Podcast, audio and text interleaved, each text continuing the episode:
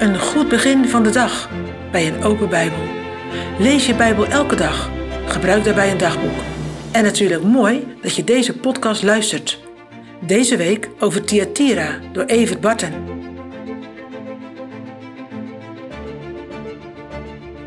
Het einde van de brief aan Thyatira komt in zicht. En daarmee ook de morgenster, die in de laatste verse genoemd wordt. Daarover gaat het in deze vijfde en ook laatste aflevering van de week. Ik lees je het laatste gedeelte van Openbaring 2, vers 26 tot en met 29. En dan lezen we: En die overwint en die mijn werken tot het einde toe bewaart, ik zal hem macht geven over de heidenen. En hij zal hen hoeden met een ijzeren staf. Ze zullen als pottenbakkersvaten vermorzeld worden gelijk ook ik van mijn vader ontvangen heb. En ik zal hem geven de morgenster. Die oren heeft, die horen wat de geest tot de gemeente zegt. Daar zitten ze in Thyatira, met allerlei verleidingen om zich heen. Verleidingen op het gebied van seksualiteit, eten, feesten, afgoden. Ja, en daar zit jij in 2024. Met talloze verleidingen op je scherm. Verleidingen op het gebied van seksualiteit, eten, feesten, afgoden. Oh, wat is deze brief toch actueel, hè? Alsof de Zonen Gods hem vandaag voor jou geschreven heeft. Of, of mag en kan je deze brief niet op jezelf toepassen? Wees eerlijk naar jezelf. Er staat, die overwint en die mijn werken tot het einde toe bewaart.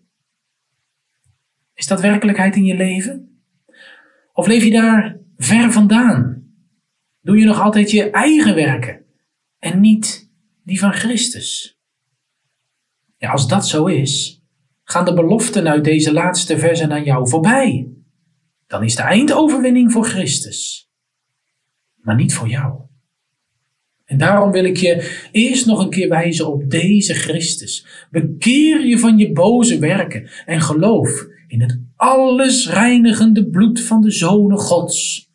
Hij kwam om zondaren te redden. Nou, dat ben je. Als je een volger bent van de wereldse Izebel, dan ben je een zondaar. Maar dan is er ook redding mogelijk. Vraag of de Heere door zijn geest je hart wil vernieuwen. Je van dood levend wil maken. Dat is nodig. Want anders hoor je bij de heidenen waar waarover het gaat in vers 26.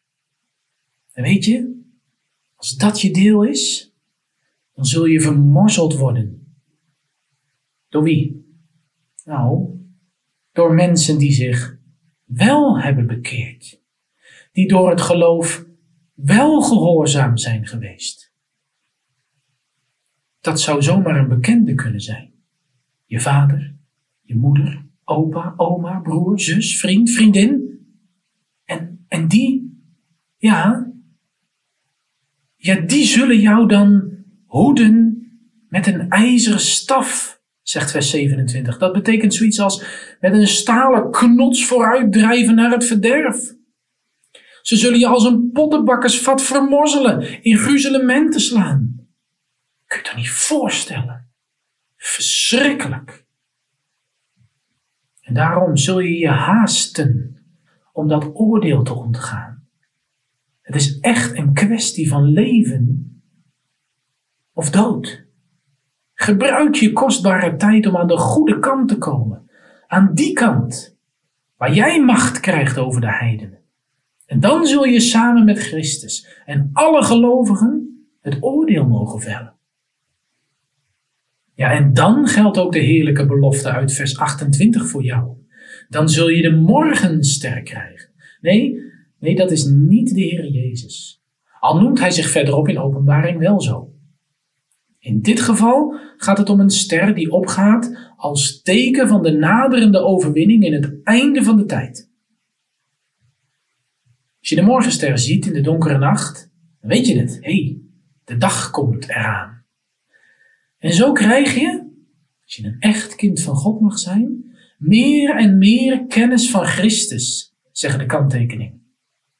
totdat Hij komt en je de volle kennis zult krijgen. En alleen met kennis van Christus kun je de verleidingen weerstaan. Dat licht van die morgenster wordt sterker en sterker. De eindoverwinning van Christus is aanstaande, nog even. En dan komt de dag dat Christus terugkomt op de wolken van de hemel. Als je dit zo hoort, wat doet dat met je? Word je daar bang van? Of kijk je er naar uit? Naar een aarde waarop gerechtigheid wonen zal. Waar geen Izebels meer zijn met zondige verleidingen. Waar geen zonde meer is. Waar je nooit meer jezelf zult bedoelen. Altijd. Eeuwig te mogen leven tot de eer van God. Volmaakt. Zoals je dat op deze aarde nooit kon doen. Ik hoop van harte dat je dit verlangen kent of mag leren kennen door Gods genade.